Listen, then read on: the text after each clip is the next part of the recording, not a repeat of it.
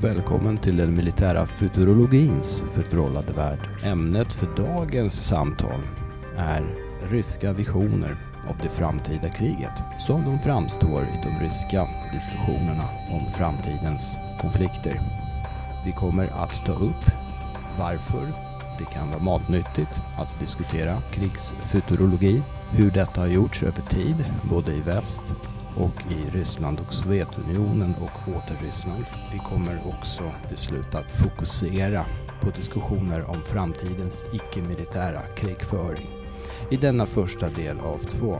Och vilka är de vi? Jo, det är Marcus Göransson, den rättfärdige statsvetaren.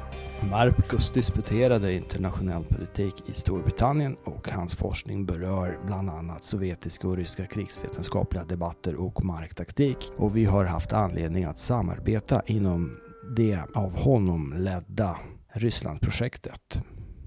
Jag heter Piotr Favzjenjuk och är lärare och forskare i militärhistoria vid Försvarshögskolans militärvetenskapliga institution. Då ska du få berätta Marcus om varför man ska studera någon annans visioner av det framtida kriget. Vad får vi ut av det? En god anledning till att studera visioner om framtidens krigföring är att det tillåter en att göra intressanta historiska tillbakablickar om hur kriget föreställdes eh, i framtiden under olika historiska epoker. Man kan gå tillbaka till 30-talet, vilken bild man hade om, om den framtida, det framtida kriget under den tiden eller ännu längre tillbaka i tiden. Det är en anledning att historiskt gå tillbaka till olika perioder och undersöka föreställningar om framtidens krigföring. Ett annat är att de visionerna som man har om hur framtidens krig kommer gestalta sig påverkar ju de investeringar som görs i försvarspolitiken här och nu.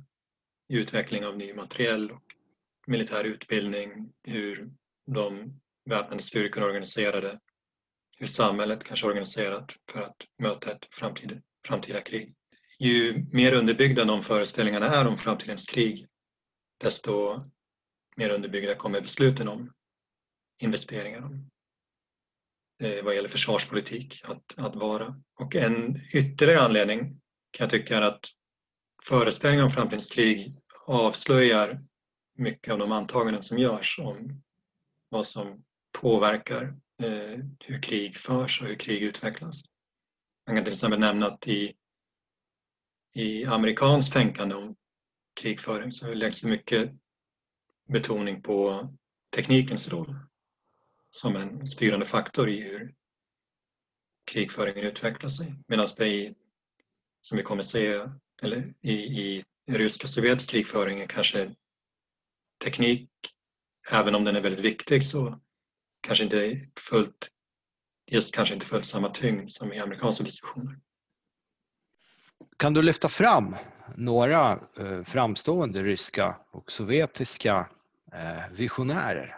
Folk som har spekulerat om det framtida kriget på olika grunder.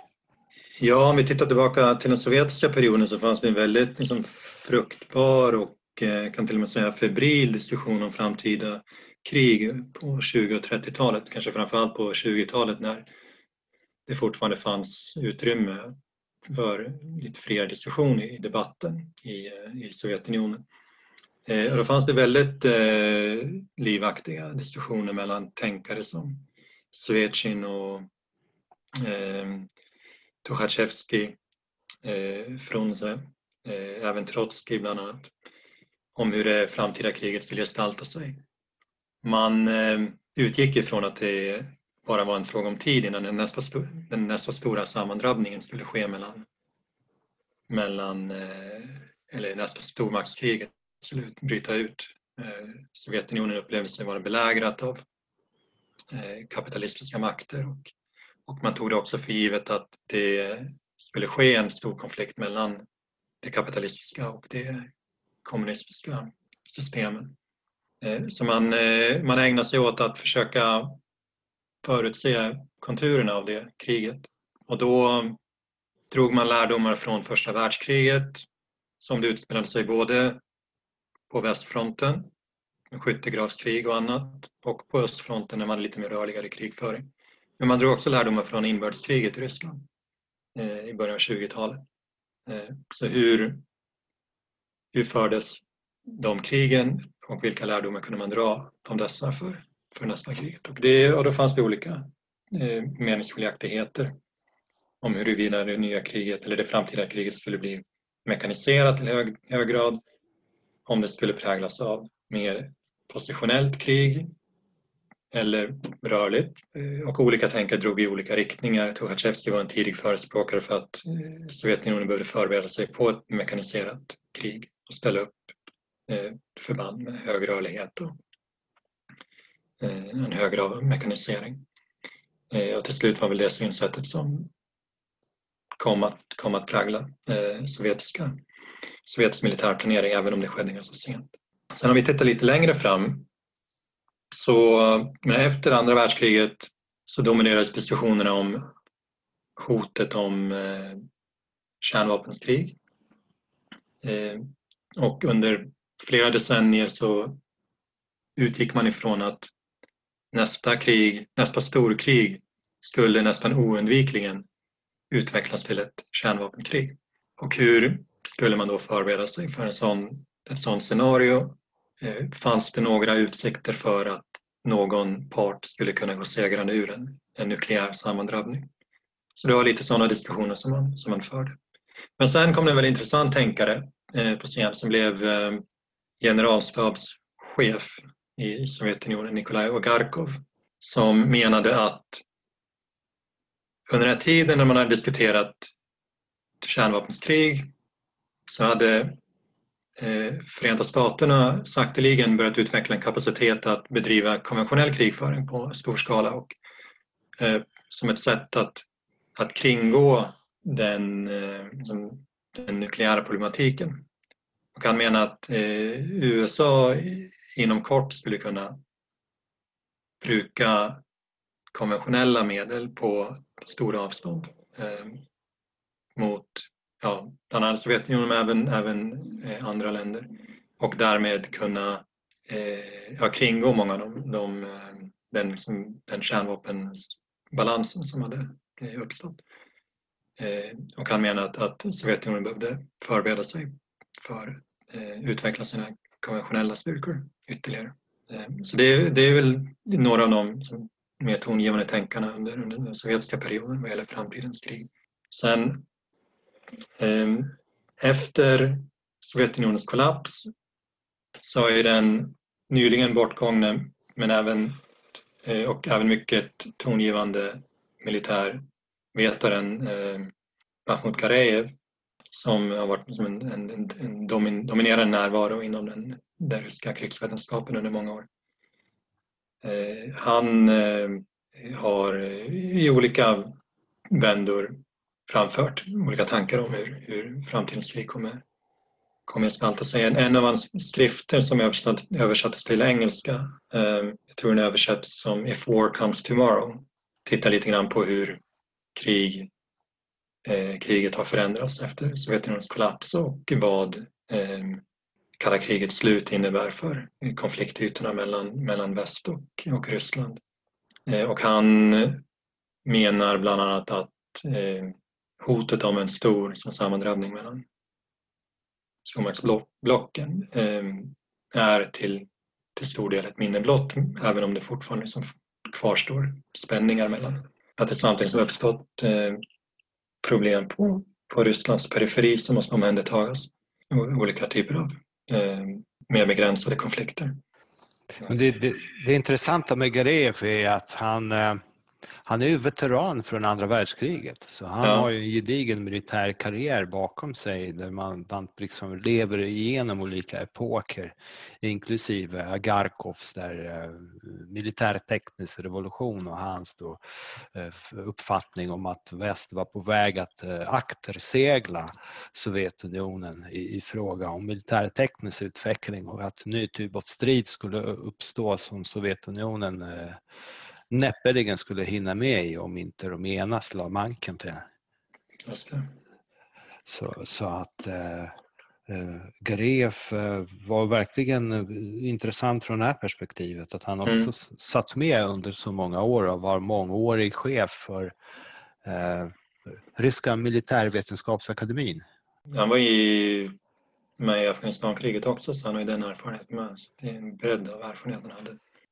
Marcus, kan du berätta något om visioner av det framtida kriget eh, i västvärlden? Om vi blickar över de senaste hundra åren med omnejd. Eh, vilka har varit något sånär nära senare utvecklingar? Vilka har varit uppåt väggarna och kanske rent av underhållande? Det är, det är väldigt intressant att titta tillbaka och kolla på tidigare visioner om framtidens krig och vilka som slog in eller kanske till och med vilka som påverkade utvecklingen i någon riktning. Eh, och man finner ganska många exempel på förutsägelser eller, eller som gestaltningar som har slående likheter med, med hur saker och ting kommer att utveckla sig. Eh, kanske det mest frappanta exemplet är en roman, eller ja, en roman av, av eh, den brittiska amiralen Philip Collins som heter The Great War of 1809 eh, och sen ett bindestreck eh, för att lämna årtalet osagt. Den gavs ut 1893. Ursäkta? Så han menade att eh, det skulle inträffa någon gång på 1890-talet? Det var där han ja, placerade kriget. Och hur, skulle, hur skulle den utvecklingen se ut då? Eh, den skulle eh, utlösas, eller det skulle vara resultatet av en händelsekedja som skulle utlösas av att en, en viss prins Ferdinand mördades på Balkan. Mm. Och det här mordet skulle leda till att Österrike-Ungern skulle anfalla Serbien, att Ryssland skulle mobilisera till Serbiens stöd, att Tyskland skulle förklara krig mot Ryssland och Frankrike skulle gå i krig mot Tyskland.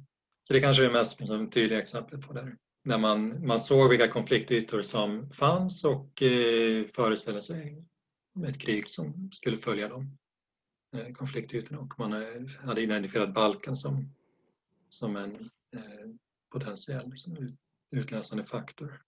Sen eh, är den brittiska författaren H.G. Wells någon som har skrivit mycket om teknologisk utveckling och, och vissa av hans eh, idéer eh, kom sedan att realiseras. Eh, han skrev om som pansarvagnar eh, tidigt skede. Han, eh, han ska också ha bidragit till eh, kärnvapnens utveckling. Det fanns en ung kärnfysiker som spelade en, en viktig roll i utvecklingen av kärn, kärnvapen, Leo Szilard, som säger att det var efter att ha läst Wells bok eh, The World Set Free om kärnvapenkrig som man insåg vilken möjlighet kedjereaktioner kunde spela i nukleär fission.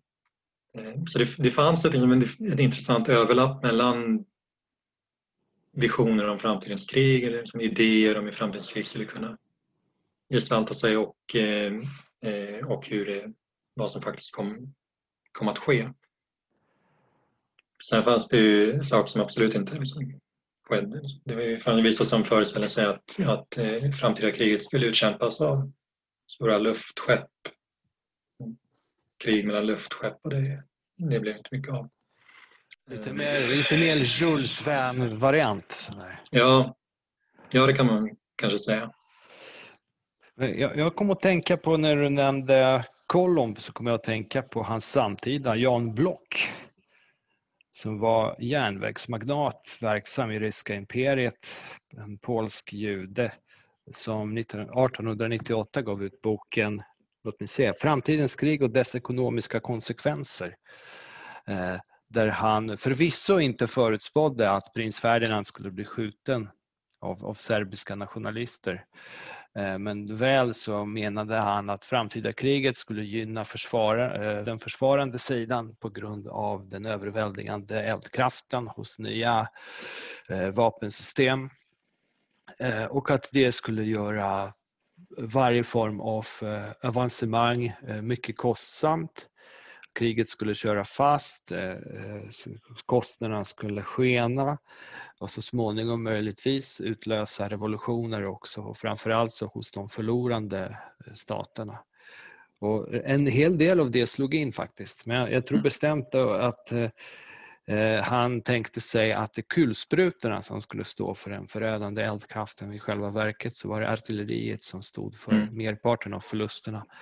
på västfronten till exempel. Så han hade ju inte helt rätt. Han var dessutom pacifist. Så hans, hans poäng med, med det hela var ju att eh, det var meningslöst att kriga eftersom det skulle få så förödande konsekvenser och bli så oerhört kostsamt. Ett, ett, ett, eh, till synes rationellt rop, ett av de många rationella ropen då som, som gick förlorade eh, genom historien. Mm. Ja, han, blev ju, han fick ju ganska stort genomslag samtidigt och eh, hans bok trycktes i många exemplar och eh, den lär ha blivit påverkad av hans, av hans idéer men det hindrade ju inte eh, masslakten under första världskriget dessvärre. Nej, för att till syvende och sist så ansågs ju den offensiva andan kunna överbrygga de här problemen med, med eldkraften och så vidare. Man har inte utvecklat, eh, utvecklats konceptuellt för, för detta ännu. Sen, sen bör man ju samtidigt tillägga att han, han hade ju rätt i den, den, den enorma blodspillan som, som de här nya vapnen skulle eh, innebära. Men, men han förutsåg ju inte att det också skulle ske en, liksom teknologisk, eh, en fortsatt teknologisk utveckling som en reaktion på försvarets eh, starka ställning. Utvecklingen av, av pansarvagnar och, och flygplan. Det där med medel och motmedel, det var inte hans grej. Nej. Det var en brittisk politikern och aktivisten eh, Eh, och eh, så småningom mottagaren av Nobels fredspris, Norman Angell, som menar att eh, det inte längre var territoriella erövringar utan internationell handel som då skapade länders rikedom och eh, mellanstatliga krig gick, gick stick i stäv med, med, med de, de intressena. Så krigets ekonomiska nytta var på nedgående eh, och att det, det, ekonomiska, det ömsesidiga ekonomiska eh, beroendet mellan länder skulle eller borde liksom utgöra en, en, eh, ett, ett skäl att inte, inte föra krig. Men det, den eh, tanken visade sig inte ha så jättemycket bärkraft. Okej okay, Marcus, jag har tänkt på att det måste ändå finnas likheter och skillnader mellan hur västliga tänkare och ryska respektive sovjetiska tänkare framställt det framtida kriget genom historien, om vi blickar bakåt. Ja, absolut. Eh, om man börjar med att titta på likheterna så kan man konstatera att det i både Ryssland, Sovjetunionen och i västvärlden har lagts stor liksom, betoning vid eh, teknik som, som en, en teknikutveckling som en viktig faktor i hur krig utvecklas. Att det är teknikutvecklingen som bidrar till att, till att, att krig omformas. Eh, och sen kan man ju också konstatera att det periodvis både i väst och eh, i, i Ryssland, Sovjetunionen, har funnits en, en ganska stor medvetenhet om hur den, liksom den andra parten har föreställt sig eh, framtidens krig. Så att man har varit ganska inläst på debatten hos den andra eh, periodvis. Om vi tittar tillbaka till kalla kriget inte minst, men, men även under andra perioder så har man ju eh, på båda hållen ofta föreställt sig det framtida kriget som eh, ett krig med den, den andra. Så att i, i väst har man ju under långa perioder föreställt sig att nästa, krig kommer, nästa storkrig kommer att ske mot Sovjetunionen till exempel. Medan i Sovjetunionen och Ryssland så har man ofta föreställt sig att kriget kommer att eh, inbegripa eh, västvärlden. Det, det, det är några likheter som man kan, som man kan se i diskussionerna. Sen när det gäller skillnader så uppfattar jag att det inom diskussioner i västvärlden samtidigt som många utgår från att, att kriget är oundvikligt och att vi, om vi upplever fred nu så är det tidsbegränsat och förr eller senare kommer vi att eh, hamna i krig igen så finns det ändå en strömning som fredsoptimism inom västerländska institutioner. Vi nämnde, eh, man kan nämna Jan, Jan Bloch eh, tankar, eh, Norman Angel och, eh, och andra tänkare som, som, som, tror att fred inte bara är möjligt utan kanske till och med nödvändigt för, av olika anledningar. Och den fredsoptimismen har inte jag sett många spår av i, i ryska sovjetiska diskussioner utan där tas det för givet att liksom, kriget är oundvikligt. Och det präglar mycket av, av debatten om framtidens krig i, i, eh, i, i Ryssland även idag. Um, jag tror att man visar en större medvetenhet för eh, politiska faktorers betydelse för hur krig eh, kommer att te sig. I, om man i västvärlden, framförallt i USA, sätter väldigt stort fokus på teknikutvecklingens betydelse så tittar man i, i, i Ryssland på som vad, vad innebär det att det finns en sån som, eh, skillnaderna i de politiska systemen eller politiska kulturerna mellan Ryssland och västvärlden. Vad innebär det för, för det framtida kriget?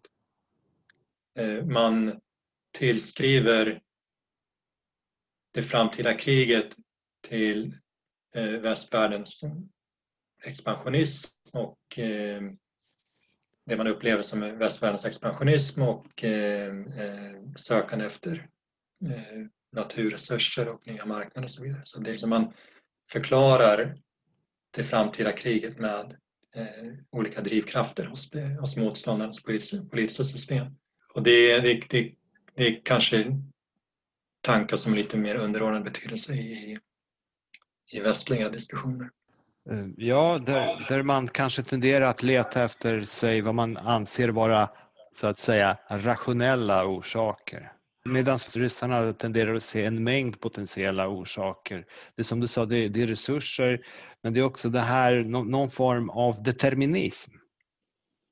Som, mm. som du nämnde, att, att, kriget kommer att komma eller kriget kanske pågår i detta nu fast det, det är en annan typ av konflikt som de ser som krig men som inte nödvändigtvis väst eh, eh, ser eh, som krig.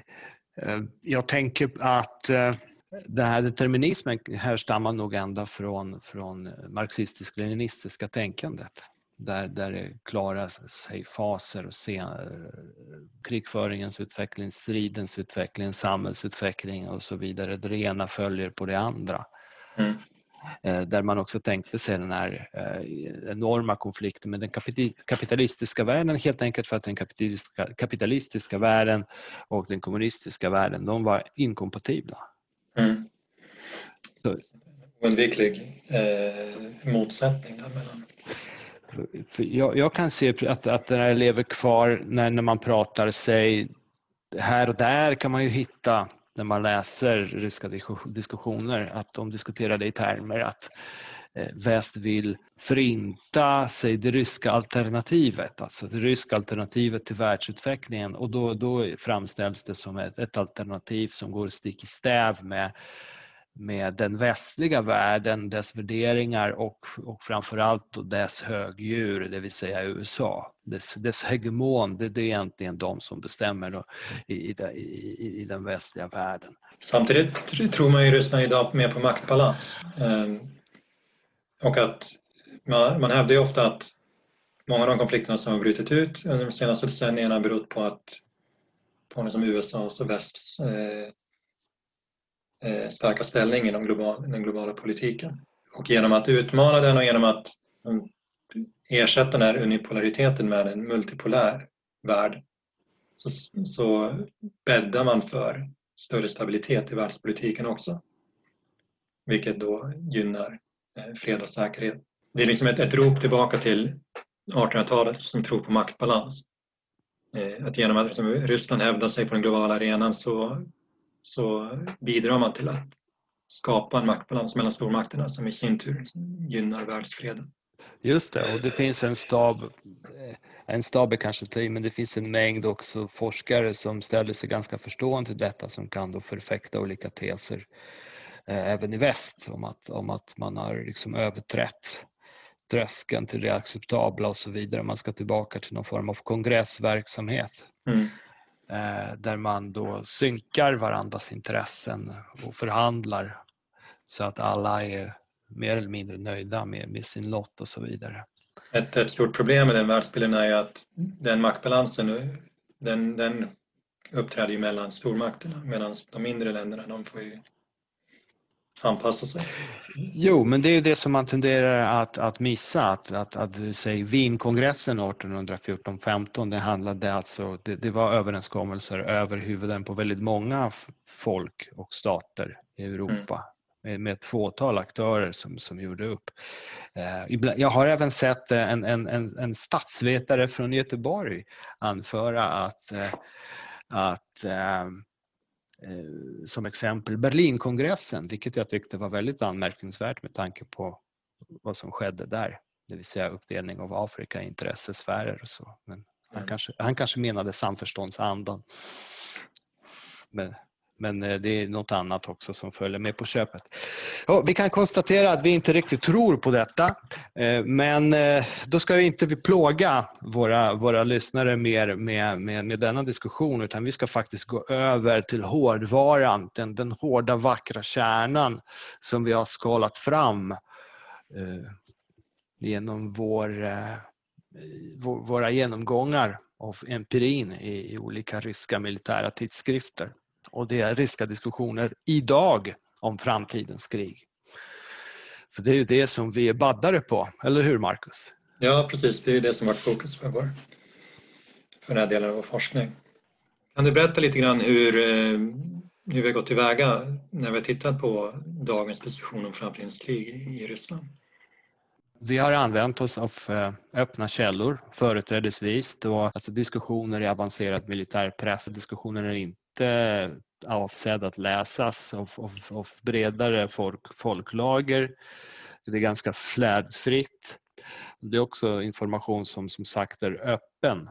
Det vill säga de här tidskrifterna finns faktiskt att köpa eller att ladda ner. Och det är bland annat Vesning Akademie Военных Nauk som jag får till eh, Militärvetenskapsakademins tidskrift. Eh, vi har tittat på diskussioner i Vajennaja Mysl, det vill säga militär tanke, ungefär så grov, grovt översatt.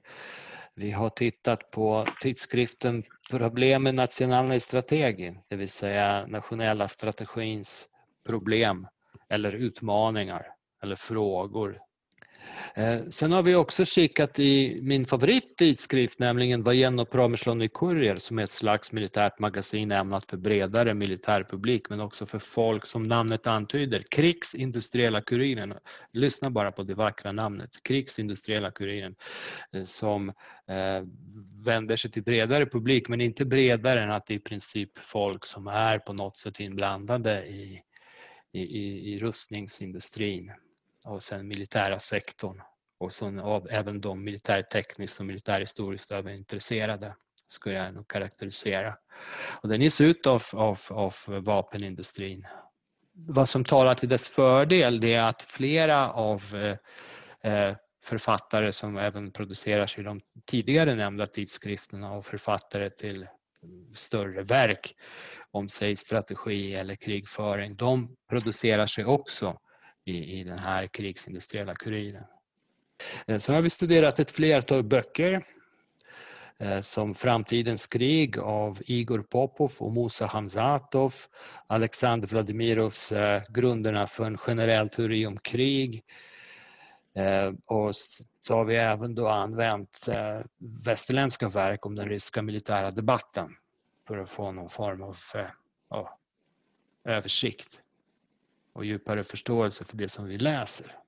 Sen kan man förstås fråga sig användbarheten, alltså i vilken grad formar det här egentligen offentliga samtalet, den ryska militärpolitiken? Och det vet vi inte. Men vi menar däremot att den offentliga militära diskussionen i Ryssland avspeglar och underbygger föreställningar om framtidens krig som utgör den idémässiga kontext eh, som den ryska utvecklingen just befinner sig i.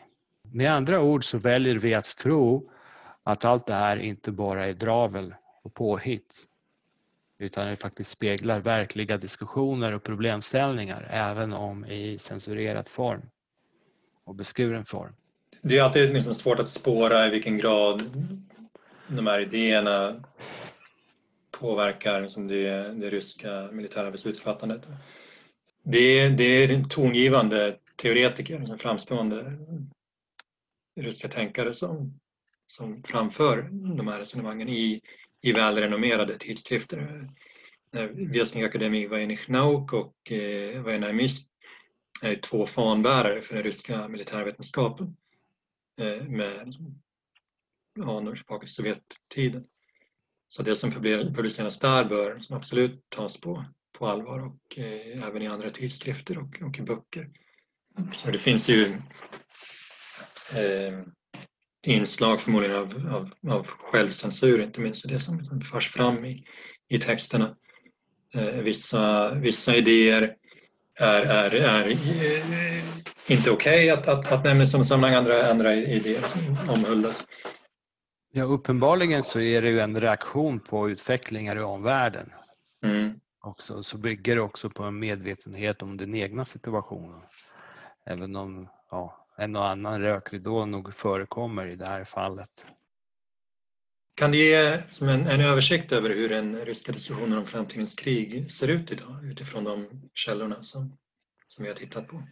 Vi har förstås valt att dela upp det här materialet för det var ganska stort, det var ganska spretigt. Så vi har klippt och vi har ansatt Eh, och friserat och kommit fram till att det finns eh, diskussionen skulle kunna eh, sammanfattas i ett flertal områden som icke-militär krigföring, typer av konflikter och, och krig, hybridkrigföring, så lika gärna skulle kunna stoppas in under typer av konflikter och krig. Men hybridkrigföring har en liten särskild plats i det ryska medvetandet eller i de ryska diskussionerna så vi har valt att lyfta fram den som en egen kategori här.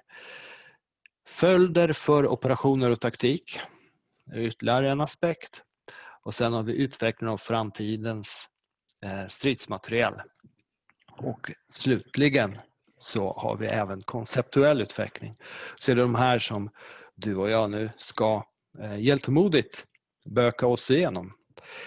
Eh, och jag kan ju börja med den icke-militära krigföringen. Eh, och vi, börjar, vi väljer att börja med den eftersom den, de diskussionerna är ganska omfattande.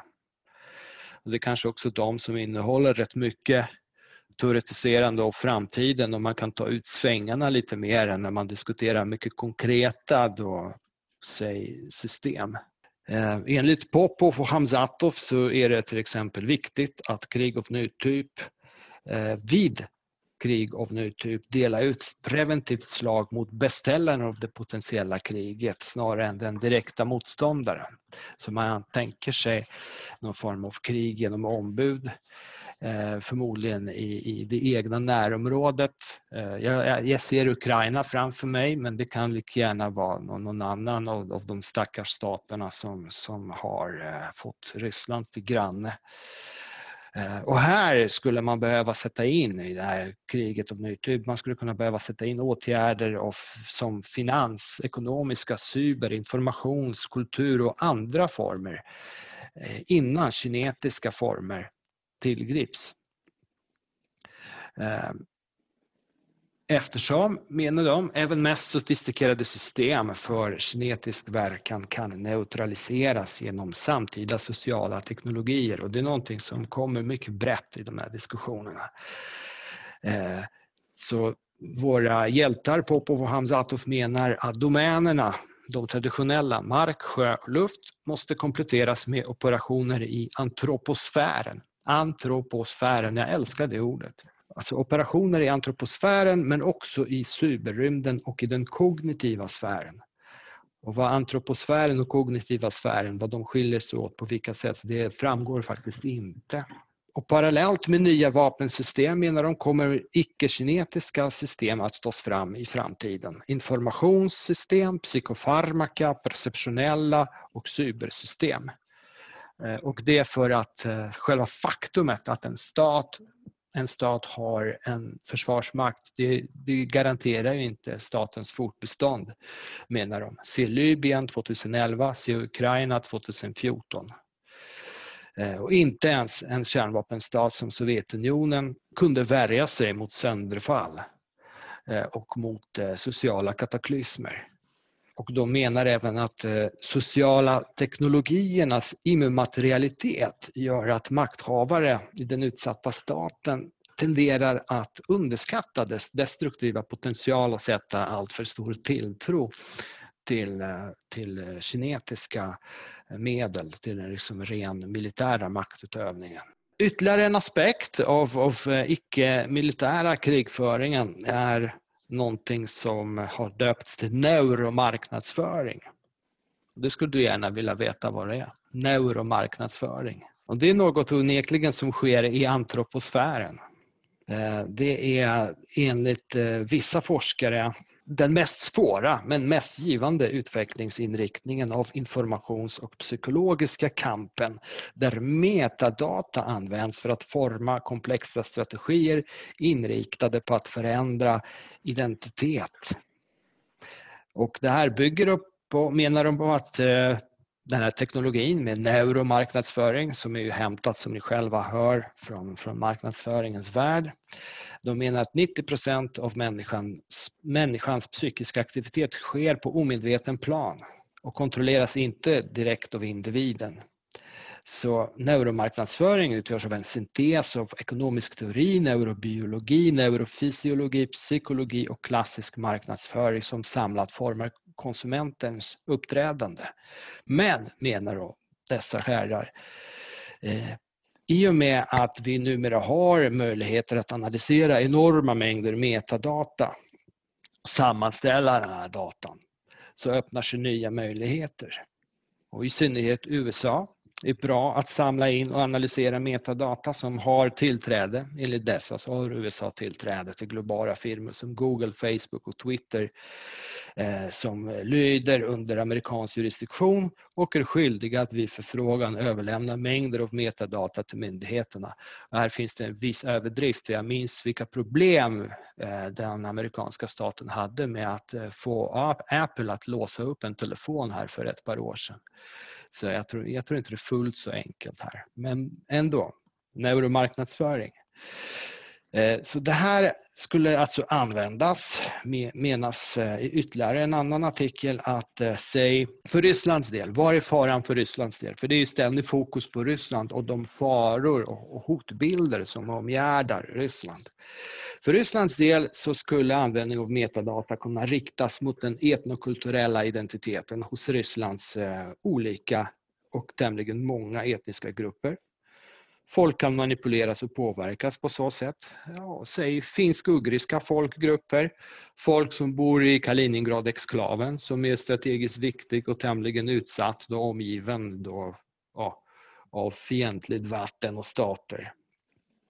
Extremistiska element som ryska nationalister eller olika religiösa extremister skulle kunna användas i det här sammanhanget. Så hot mot Rysslands säkerhet förknippade med förlust av eh, den traditionella nationella kulturella identiteten eh, med deformation av allrysk mentalitet. Alltså allrysk som ryssländsk, inte rysk utan ryssländsk. Det är ungefär samma skillnad som finländskt och finsk. Alltså ryssländsk omfattar Rysslands alla folk. Det är någon form av sammanhållande kitt. Det är inte ryssars sammanhållande kitt utan det ska hålla samman hela Ryssland. Det är ryssländska. Deformation av allrysk mentalitet och urvattning av basala kulturella och andliga värden skulle kunna formas genom den här negativa informationsinverkan som bygger på neuromarknadsföring. Hänger du med Marcus? Ja, jag, jag, hänger med tror jag. Men jag, jag tänker det, ne, neuromarknadsföring, det låter som att det bygger, eller i alla fall har liksom påfallande likheter med eh, ett annat eh, viktigt ryskt krigföringsbegrepp, eh, reflexiv kontroll. Eh, anpassat för liksom, metadatans tidevarv. Och reflexiv kontroll eh, avser ju metoder för att få en motståndare att tänka och agera i en viss riktning utan att vara medveten om det. Men det intressanta kanske i det här sammanhanget är att reflexiv, reflexiv kontroll är ofta används i en offensiv som bemärkelse, någonting Ryssland och Sovjetunionen då har gjort eh, för att främja sina intressen eh, utomlands. Medan neuromarknadsföring det är alltså någonting som görs mot eh, Ryssland och det är all, den allryska gemenskapen. Är det korrekt uppfattat? Det är korrekt uppfattat och jag skulle nog säga att reflexiv kontroll eller politisk krigföring för den delen, de, det är termer som återanvänds. De stoppas in bara i ny, ett nytt teknologiskt sammanhang här men också när man pratar om sociala medier med mera och de möjligheter som detta öppnat. Och någonstans i bakgrunden så ser jag hela tiden att, att de ju rimligen betraktar dessa potentiella faror också eh, som potentiella tillgångar. Det är någon form av skev spegelbild som framträder här. Medan man, man, man, man, man vill se väst men egentligen så är det ens egna tankar och funderingar och behov eh, och eh, syn på samhället som det här med att Google, Facebook och Twitter bara skulle överlämna data till den till amerikanska regeringen utan utdragna rättsprocesser med mera, med mera. Det, det speglar ju snarare en rysk verklighet och hur de hanterar informationen. Man för en diskussion om eh, metoder och möjligheter som skulle kunna vara Ryssland till gagn på liksom en, en västländsk projektionsyta som är mer eh, det är politiskt mer oproblematiskt att, att diskutera vad, vad västvärlden gör eh, potentiellt mot Ryssland än, vad, än, än tvärtom. Jo, men precis så är det. Men det är också så man måste läsa de här tidskrifterna. Att där det, vissa saker kan ju tyckas vara orimliga när man läser dem men återigen, handlar det här bara om västkrigföring mot Ryssland? Den, den, den förmodade. Ja, man kan ju, man kan ju fråga sig, det är, om det är mycket annat som kan stoppas in i de här diskussionerna också. Till exempel Kina lyser ju med sin frånvaro. Kina omnämns ju ja. överhuvudtaget inte. Ja. Eh, men man kan ju fråga sig om det ändå inte är Kina som avses i, i vissa av de här diskussionerna. Om jag, om jag går tillbaka till själva materialet så tänker sig då eh, dessa herrar med neuromarknadsföring att den ryska staten måste föra en politik som syftar på att forma och stärka traditionella värderingar, historiskt medvetande och återigen allryssländsk identitet all ryssländsk identitet. Så det här går igen. Eh, det här är då mer, eh, ja, återigen så går det också att spåra hos eh, i viss mån den här antroposfären hos Popov och Hamzatov som jag talade om alldeles nyss. Det talas mycket om västs förmodade krigföring mot, mot eh, mot Ryssland. Då främst, det, är, det är främst med USA i spetsen och då, då pratar man om hybridkrigföring som vi snart kommer komma in på. Eh, men det finns också andra aspekter Eh, att diskutera innan vi går in på, det, på hybridkrigföringen. Och kanske mest eh, dystopiska framtidsvisionen som jag har hittat det är författarparet eh, Kanurov och Voronin som, som, som menar att alienationen bland världens befolkning som en följd av det kapitalistiska systemet stiger. Återigen för att relatera till marxistisk-leninistiska tänkandet. Eh, att man nu har nått vägens ände med den kapitalistiska vägen av mänsklighetens utveckling. Men Istället för att göra sig av med kapitalismen så görs istället andra saker som att försöka hejda den vetenskapliga utvecklingen, utnyttja ekologin som förevändning. Så vi har den här tråden om ekologin, om någon form av miljöfascism närmast. Alltså icke, nu pratar vi icke-militära medel. Det finns en inflytelserik eh, Eh, ekologisk lobby har jag förstått från den här lektyren, eh, som är emot att man eh, utvecklar framtagning av nyttiga mineraler, emot eh, bygge av kärnkraftstationer, industriell utveckling hos svagt utvecklade länder med mera. Och här spelar Greenpeace den första fjol och framstående västliga personligheter som Al Gore eller prins Charles är insyltade i den här verksamheten. Och det, det är ett av sätten som man motverkar då, alltså kapitalismens då egentliga slut. Eh, ett annat sätt är att hägna in alienation och social oro, oro som uttrycks genom terrorism och organiserad brottslighet genom någon form av total samhällsbevakning som de menar att Edward Snowden har avslöjat. Men det mest radikala och kanske mest mörka ska jag tillägga är nog sättet att se till att mängden befolkning på jorden minskas kraftigt så att påfrestningarna på ekologin och miljön minskar och att den kvarvarande befolkningen skulle kunna kontrolleras mer effektivt. Det är inte runt hörnet. eller det, det är ganska nära åtminstone menar dessa författare, som eh, det är, kommer att deklareras att många fattiga i Afrika, Asien och eller Latinamerika inte är riktiga människor eller kanske inte är riktiga människor överhuvudtaget. Och krig kommer att föras för att få befolkningarna att minska. Och paradoxalt nog så kommer eliterna i olika länder att vara varandras största allierade eftersom krigen följer deras agenda, menar dessa två. Och här är Ryssland då en alternativ kraft, eh, återigen till, till vår tidigare diskussion, eh, där som håller fast vid traditionella värderingar i deras helhet. Den ryska modellen menar de också har bevarat sitt teoretiska och humanistiska innehåll. Citat. Eh, intresset för denna modell är vida spritt i hela världen. I världens alla länder, skriver de rent av.